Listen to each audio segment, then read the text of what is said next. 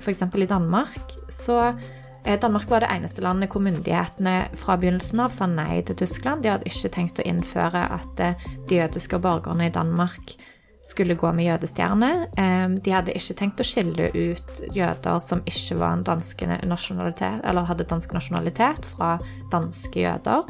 Så de sa bare nei til alle de premissene som la grunnlaget for at eh, dette maskineriet som Adolf Eichmann var en del av, kunne fungere.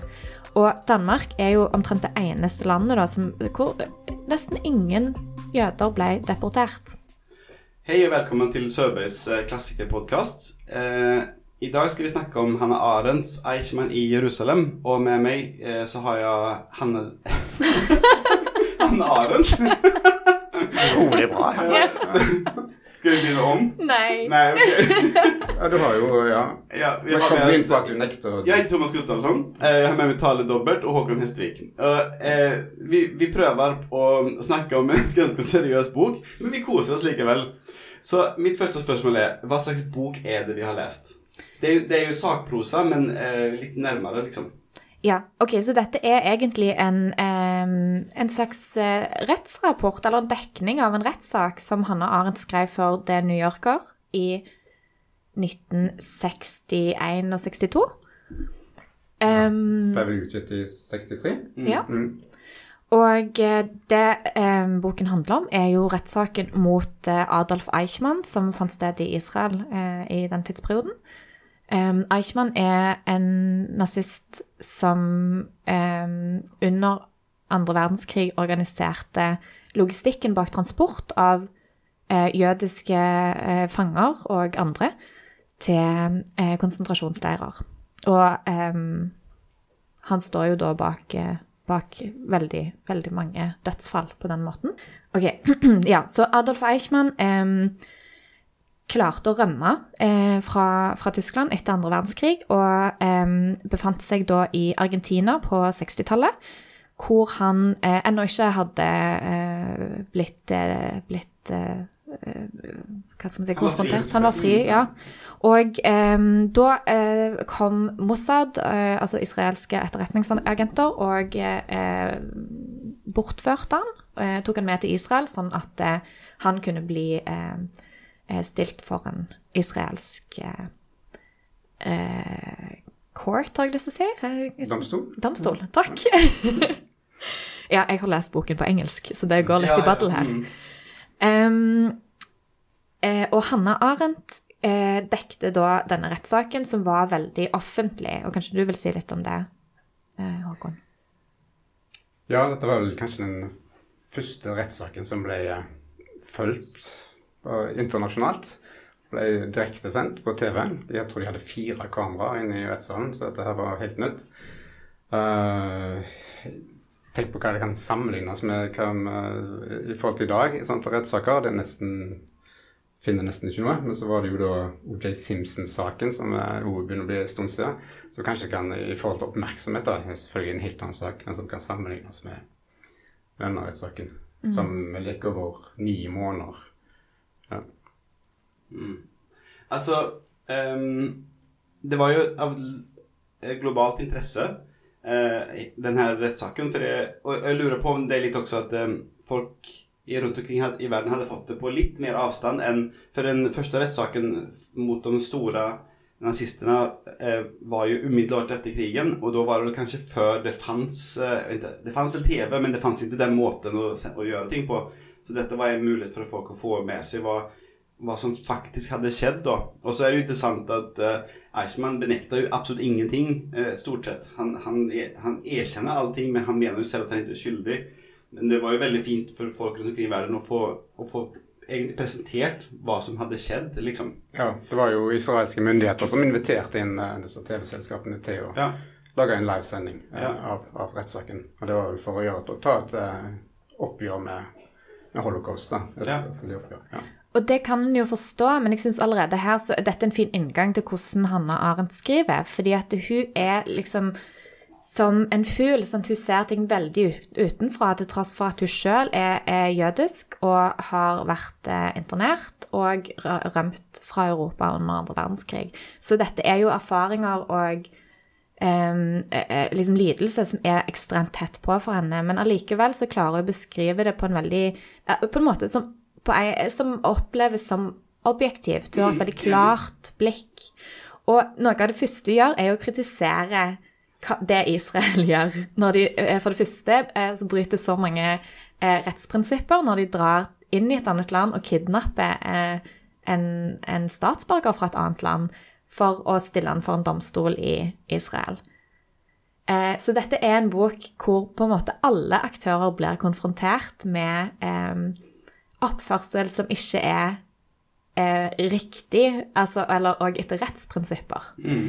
Hun kritiserer jo bl.a. statsministeren i Israel for at han, han har bestemt hvordan han vil at dette skal gå, hva folk skal si og alt sånt. Og, og så- men til, til eh, Altså, hun er jo objektiv, følger, ja, men hun, hun har veldig respekt for de dommerne som er, og de, det virker som at dommerne er veldig eh, opptatt av rettssikkerhet og gjennomfører en rettssak på best mulig måte med tanke på omstendighetene. Og står for og har en veldig sånn ryggrad. Jeg, jeg, jeg, føler at jeg elsker de dommerne når jeg leser den boken. Hun, hun skildrer dem veldig fint, og det er jo gjennomgående trekk i boken at hun, hun har et veldig blikk for mennesker, føler jeg. Både onde og dårlige. Og det er også et av de interessante spørsmålene når vi skal snakke om Eichmann selv, da. Hvordan hun skildrer han. Men, men jeg føler at hun gjør en fantastisk jobb med å skille denne rettssaken. For det er jo absolutt ikke en kjedelig bok. Det høres ikke forferdelig ut, men det er ikke det. Den er, den er utrolig fascinerende og av og til morsom. Eh, veldig sånn glimrende skrevet, syns jeg. Mm. Og på forhånd så spurte jo du, Thomas, eller du har jo spurt hva er det som er eh, For dette er en bok som var veldig kontroversiell da den kom. Eh, og hvorfor er, er Og oppleves eh, fremdeles som det så lenge etter den kom ut eh, av noen. Hvorfor er det? Det mest kontroversielle er vel at hun er ganske kritisk mot en del eh, jødiske ledere under andre verdenskrig. Hvor hun, eh, hun sier vel rett ut at eh, det hadde For det var veldig mange jødiske samfunn, lederne av jødiske samfunn, som samarbeida litt med nazistene uh, i forhold til adresselister og, og register og sånt på, på jøder som bodde i de forskjellige samfunnene i landene. Det er jo snakk om hele Europa her. Uh, så så var det en del jø- jødiske ledere som samarbeida med dem. Eh, litt med sånn kjøpehandel. Hvis, vi slipper, hvis de 100 får, eh, får dra, så kan dere få Eller så får dere listene på disse 100 000 jødene. Eh, så hun kritiserte jo disse jødiske lederne, og det kan vel kanskje sies med rette. Eh, og hun mente vel, sa vel rett ut at hvis det ikke var for dette samarbeidet, så ville færre jøder har blitt drept. Ja. Og det kan jo føles virkelig som et slag i fjeset på, eh, på egentlig det, altså det jødiske miljøet, bare fordi du, du Hun er på en måte brutalt ærlig og sier at eh, dere er sjøl dere sjøl skyld i noe av, noen av disse eh, tingene som har skjedd. Men jeg vil, jeg vil bare si at, at det, det, är ju inte, det er jo ikke bara sån, alltså det er også sånn at de er naive noen ganger.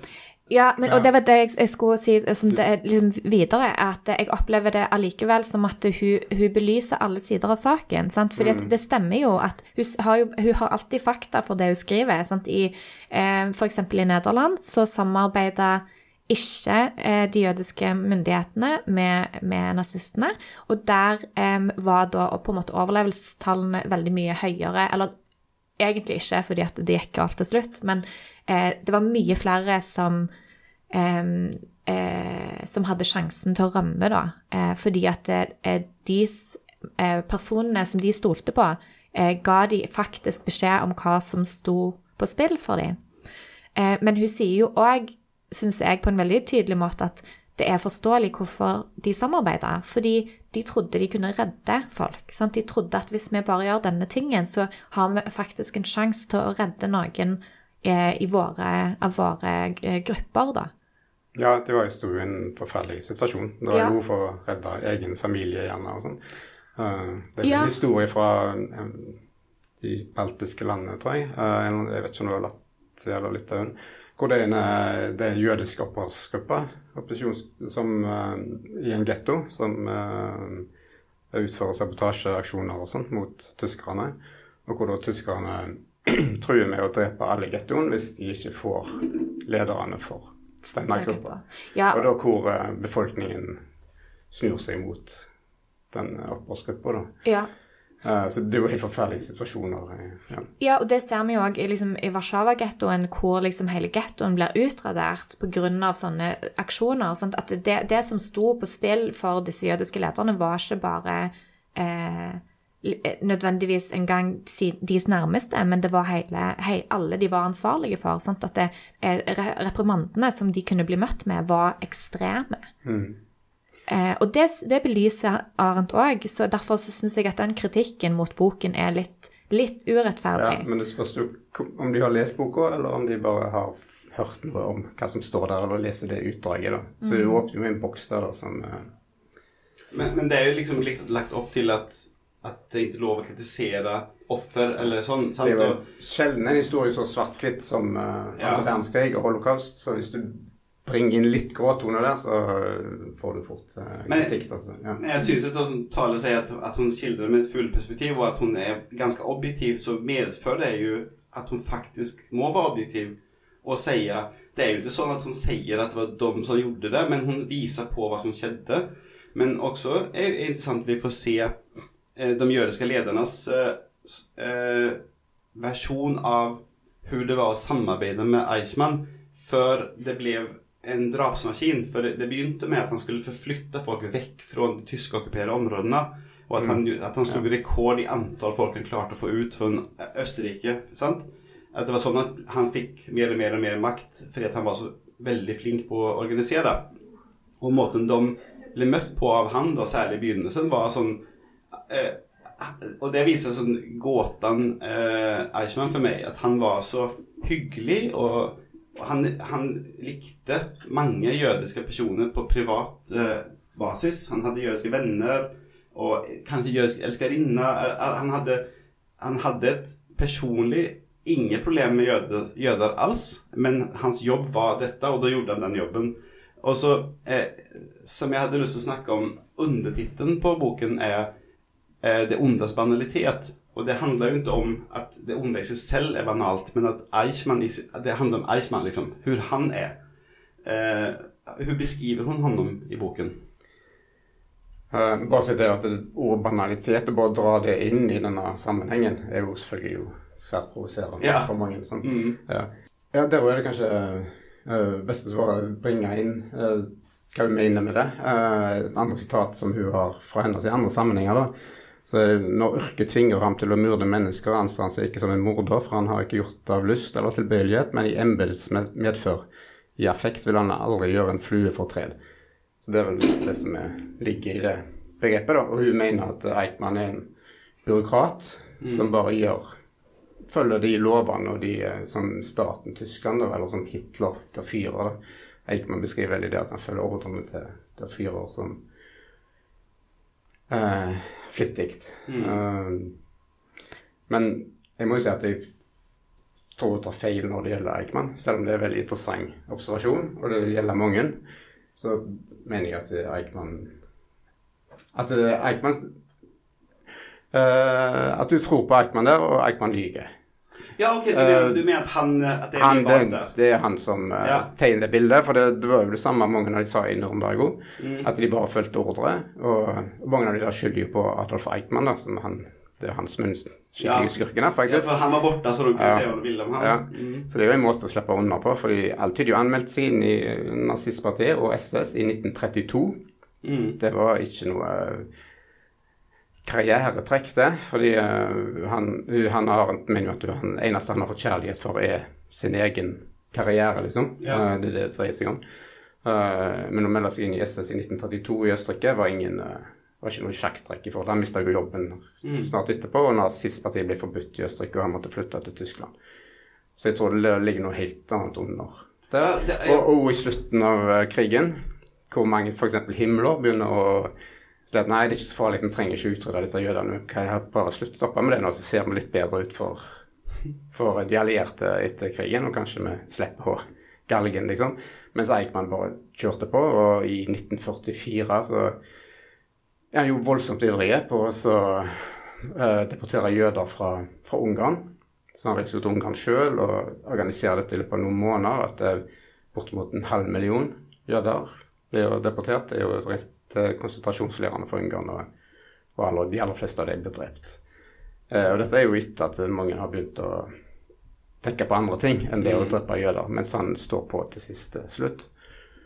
Uh, så jeg tror han har en altså, når det gjelder Eichmann. det syns jeg er veldig interessant, Håkon, fordi at alle de eh, tingene du nevner der, de sier jo òg Arendt sjøl i boken. ja. Og så forklarer hun hvorfor hun mener at det, det, han, lik, han allikevel kun følger ordre. F.eks. det med at Himmler på et tidspunkt prøver å, å stoppe liksom mordene, da. Eh, når han sant, prøver å få bedre bilde eh, eh, av hva, hva tyskerne har gjort under krigen, så, eh, så sier jo Eichmann, som du sa nettopp, at han, eh, han hører kun på Der Führer. Og, eh, og da mener jo Arendt at eh, Hitler sitt ord var lov. Altså sant, og det eh, At for en, en byråkrat som Eichmann, så er det alltid den øverste ledelsen som har det siste ordet. Så jeg føler her må leserne nesten lese Eichmann i Jerusalem sjøl, og kanskje skape seg litt eh, et, en større kontekst. Ja. For vi har jo bare Arendt ord på det som har Ja, skjedd. Ja, men kanskje lese litt om Eichmann utenom. Utenom. Og, ja. versjon. Eh, Jeg- jeg det er jo et intervju med han uh, fra Argentina Ja. på 50-tallet av en annen nazist. da, eh, hvor han, eneste han angrer på, var at han ikke ble ferdig med jobben og utsette Mm. jødene, sier han da. på 19, han, ja, og det, disse er jo blitt sluppet ganske nylig, tror jeg. liksom, Ja. At det er i det fri, da. Det, det Og det er ganske avslørende. Hun refererer til det, men, Ja. men det, jeg tror ikke hun har hørt alt. Men, men det jeg tenkte også å si om, om dette, er jo at Og eh, ja, hun av- avviser det som at han var full, eller at det var- blir sagt i en annen sammenheng. så. Men jeg syns hun blir, hun blir litt unnskyldende da, på Eichmann sin Og det, men det du sier nå, føler jeg jo òg er kanskje en, en kritikk som jeg regner med går igjen mot boken, eller noe som gjør at den fremdeles skaper kontrovers. Men eh, det kan, det kan man jo òg se på som et maktgrep fra Arendt. Sant? At hun, um, hun er sjøl jøde, uh, og hun uh, I denne rettssaken så er det den jødiske befolkningen som har ordet og maktdefinisjonen, og et av grepene hun gjør, er jo å latterliggjøre Eichmann. Altså fra første side. Det, du nevnte, Thomas, at boken er morsom, og det stemmer. Jeg ble veldig overraska når jeg begynte å lese, at det er eh, ganske mye humor i begynnelsen. Eh, og en av de tingene hun gjør som et grep, er jo å virkelig latterliggjøre Eichmann og redusere han til eh, et, et ganske dumt menneske som ikke kan tenke sjøl. Eh, og på en måte så stemmer jo, så kan en jo da holde disse to tankene i hodet på en gang. Det du sier, Håkon, at OK, det, han er nok ikke så uskyldig, hermetegn, som, som Hanne Arendt gjør han. Men hun bruker han heller som et eksempel, sant? Og, og vil ikke verdige den mannen æren av å bli liksom eh, opphøyd til en sånn mesterhjerne som har klart å unngå å bli rettsforfulgt fram til dette tidspunktet. Jeg, jeg syns hun reduserer han fullstendig. Men men jeg ligger nå et sted Altså eh, Hun framstiller han på en måte som gjør at jeg, når jeg leser, føler at det er noe grunnleggende galt med honom som menneske. Eh, at han Men at det, det ligger ikke et personlig hat noen plass, liksom. Men at han, han har en sånn han, han har en fullstendig han er ukapabel til å sette seg inn i andre mennesker. Han snakker bare om seg selv. Han husker nesten ingenting. Han husker bare ting som fører til at hans karriere gikk fremover. Og så ble han selv sendt til Bratislava i Slovakia for å snakke med en av lederne for jødeproblemet i Slovakia. da. Og det eneste han husker eh, han, han mener at han ble sendt dit for å spille kjegleball, eller hva det heter, med en biskop. Bowling. Bowling. Eh, ja, men de, på den norske, den norske, norske boken som kalles det kjegle. det er sikkert før det fantes ordet bowling i Norge, for det er fra 60-tallet. Så, og det han snakker om, at han spilte kjegle, og han var så stolt for at han ble invitert på statsbesøk, og spilte kjegle med en eh, bowling med en, eh, med en biskop. Og så e- etter liksom 55 lydbånd med, og hundrevis av timer med forhør, så viser de fram et dokument, og det står at han har blitt kalt til eh, Bratislava for å snakke om jødeproblemet med denne eh, eh, biskopen, da. Men det hadde han glemt, fordi det hadde ikke med han å gjøre. Liksom? Det, var sånn, det var en ren rutine å snakke om hvordan man kunne drepe jøder, men det han husker, var at han spilte bowling. Liksom. Så han, det, er noe, det er noe grunnleggende galt i hans personlighet, føler jeg. Men at eh, hun, hun unnskylder jo ikke han på den måten at hun forminsker hva han har gjort. Hun, hun viser jo at han var ekstremt effektiv. Men at han, han er på en måte som et barn. Han fatter ingenting, liksom. Han bare 'Dette er min jobb. blip blod, blyp.' Sånn. Altså det, det, er veldig fascinerende for meg å lese om, om han.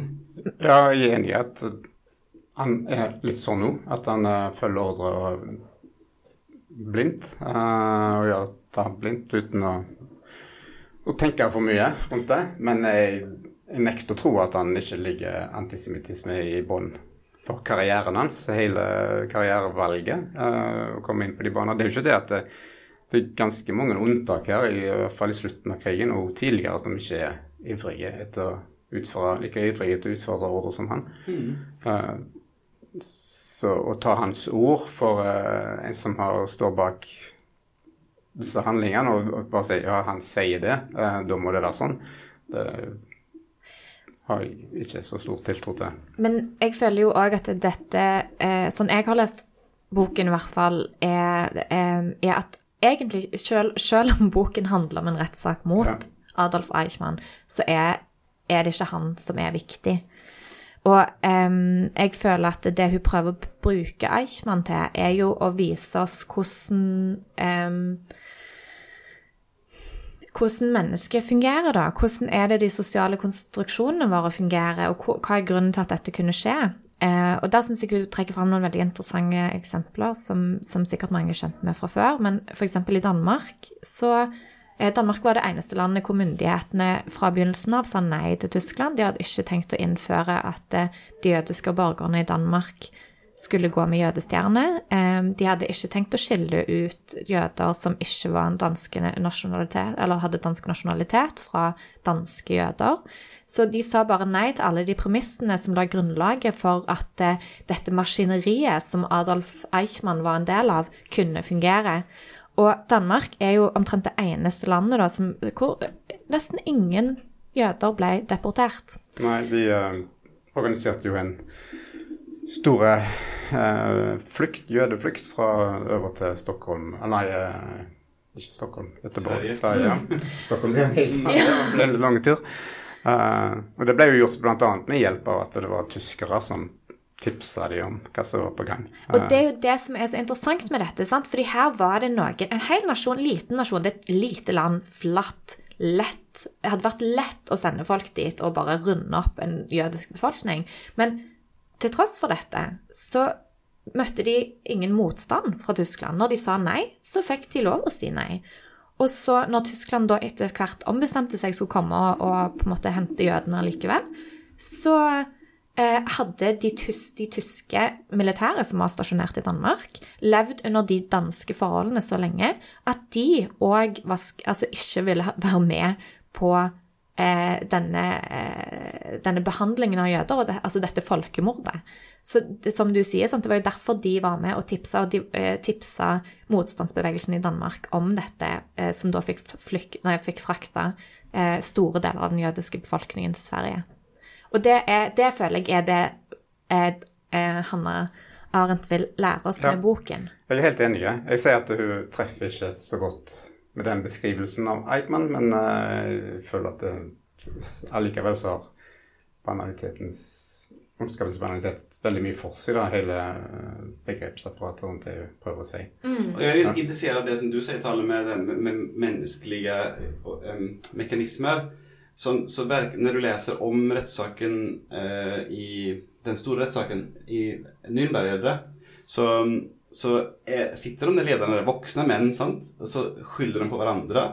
Eh, og det var han som gjorde det, han som gjorde det, og, og han som de som ikke, om du ikke er der, om du er død eller på rummen, så er det du som, så det, det er den personen som har gjort alt det. Og Eichmann gjør på noen, på noen måter litt av det samme, men ingen av dem eh, sier noen ting spesielt ondt om Hitler.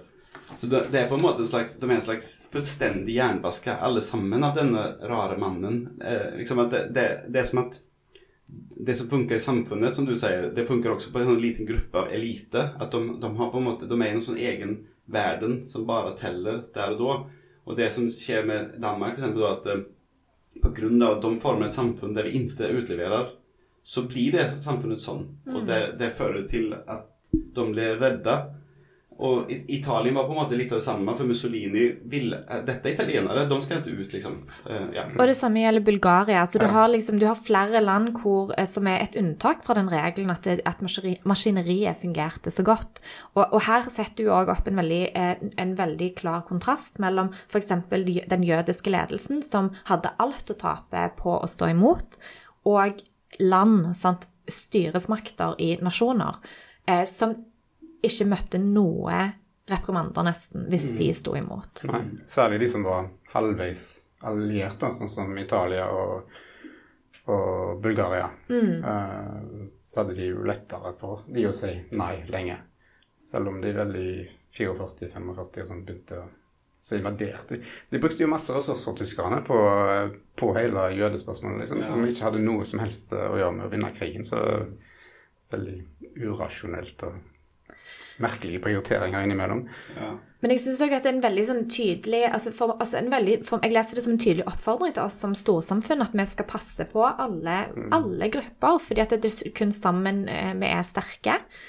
Og em, jeg setter òg veldig søkelys på at grunnen til at eh, eh, deportasjonene og liksom den gradvise normaliseringen av denne ekstreme volden og folkemord eh, fungerte, var eh, prinsippet divide and conquer. sant? At alle de allierte landene eh, Det var ingen av de som fra dag én ville gått med på å utlevere sine naboer, sine eh, kjøphandlere, sine venner som var jødiske. Men tyskerne begynte jo med å sende ut alle tyske, eh, tyske statsborgere som var jødiske, til andre land.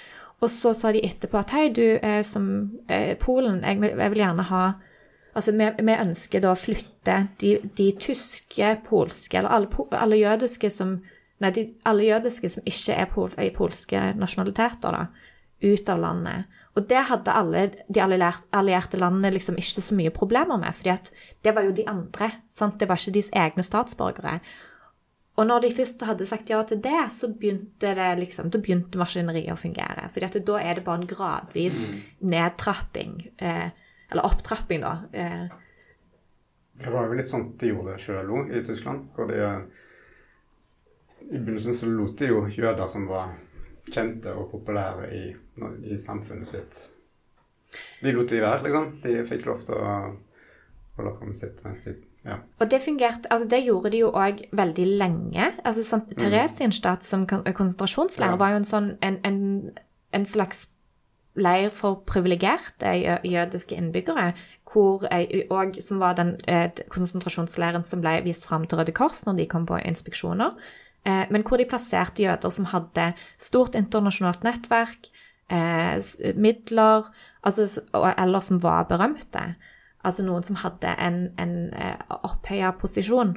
Jeg har lyst til å snakke bitte litt bare om Hanne Arendt også.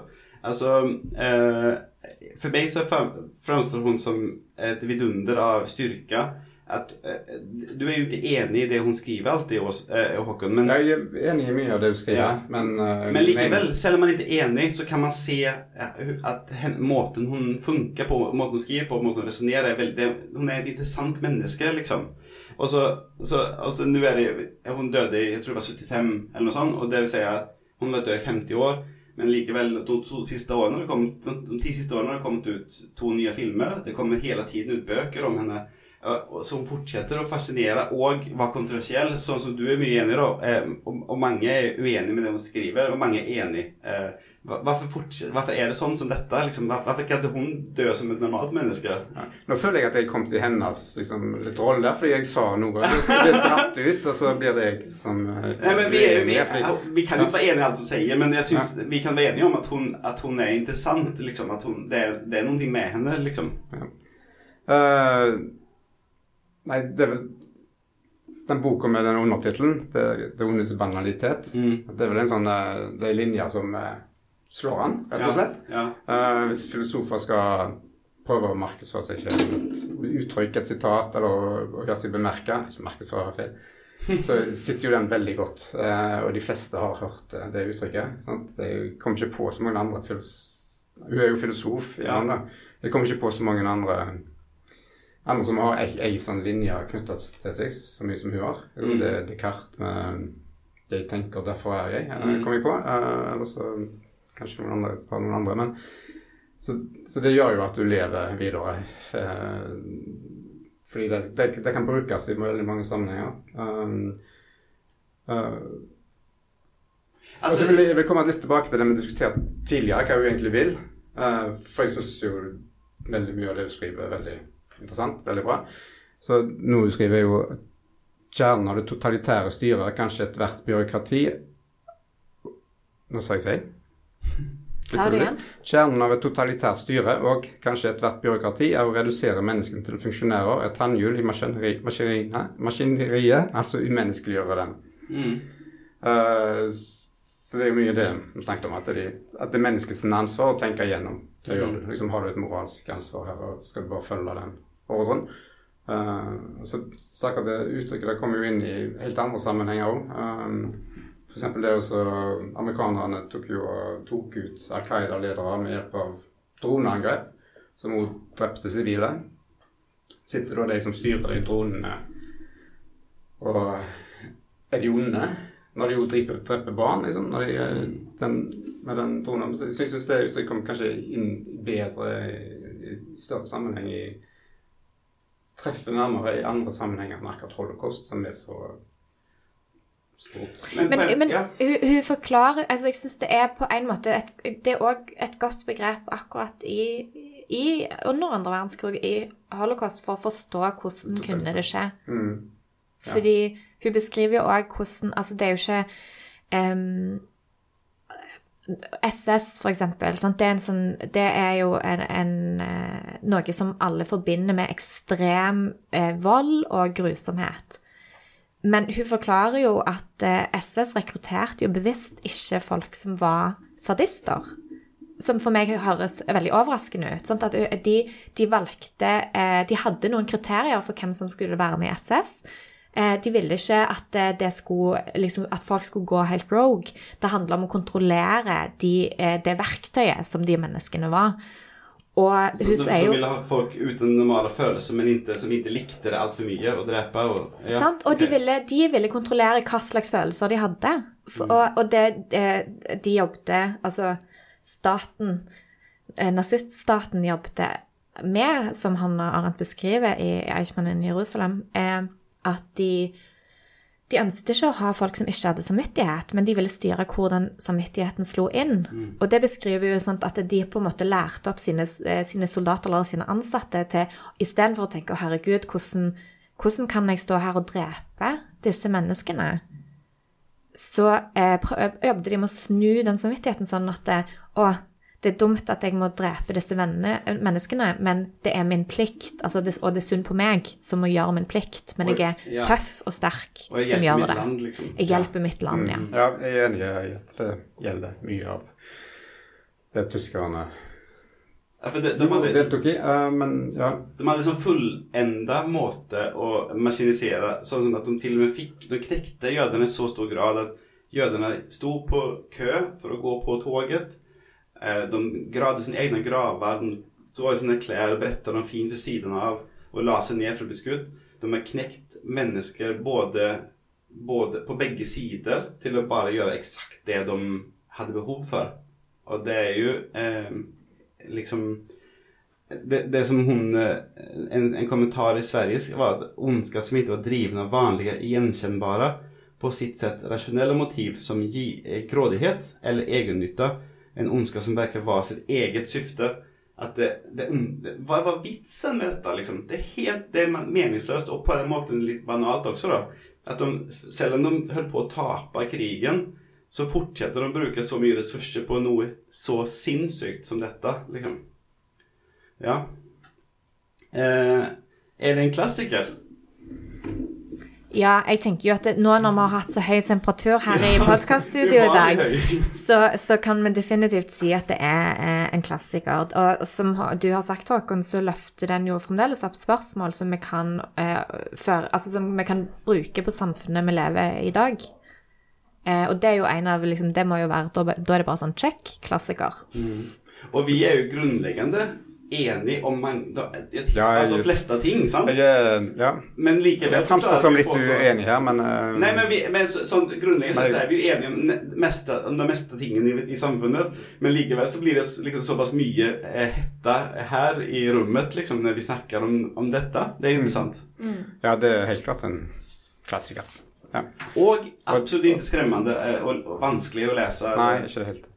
Og, det, og det, jeg må si at jeg ble veldig positivt overraska over det, hvor mye Altså så på en måte um, Den er på en måte både fin og morsom og, eh, og veldig opplysende. Um, og det, det tenker jeg skal godt gjøres med et tema som er så tungt.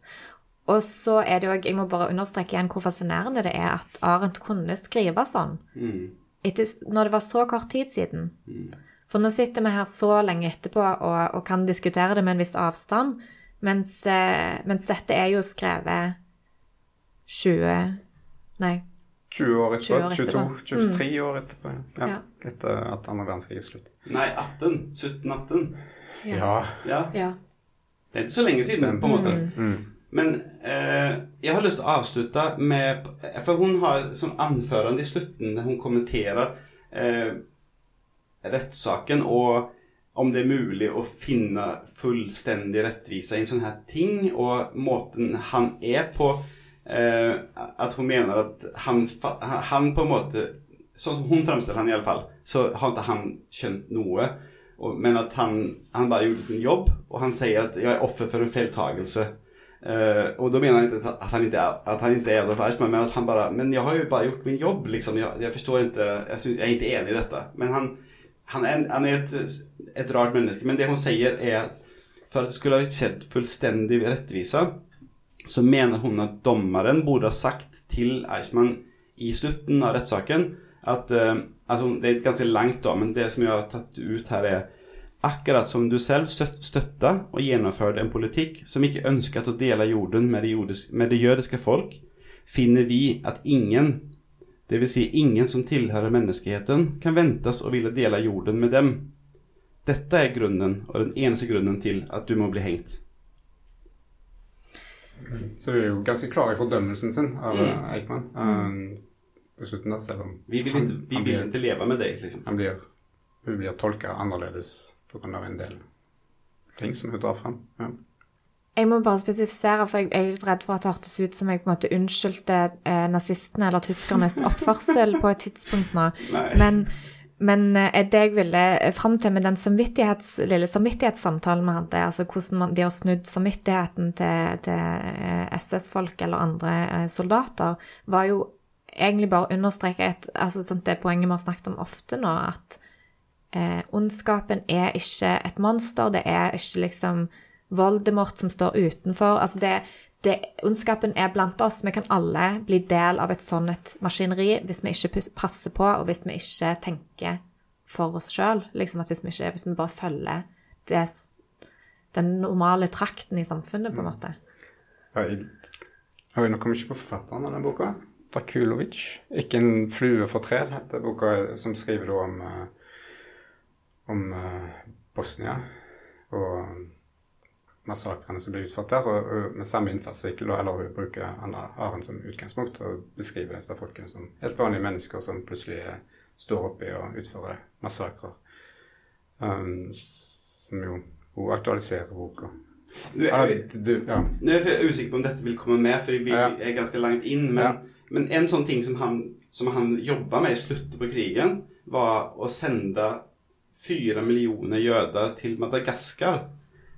Liksom, sant? Det viser liksom på en måte hvor hans eh, han, han er ikke til stede på, i realistiske verden, på en måte. Ja, det var jo ikke slutten, men det Nei, var, men det var det var 41-42, Ja. liksom, hvor det var helt uaktuelt. Ja. Da, ja.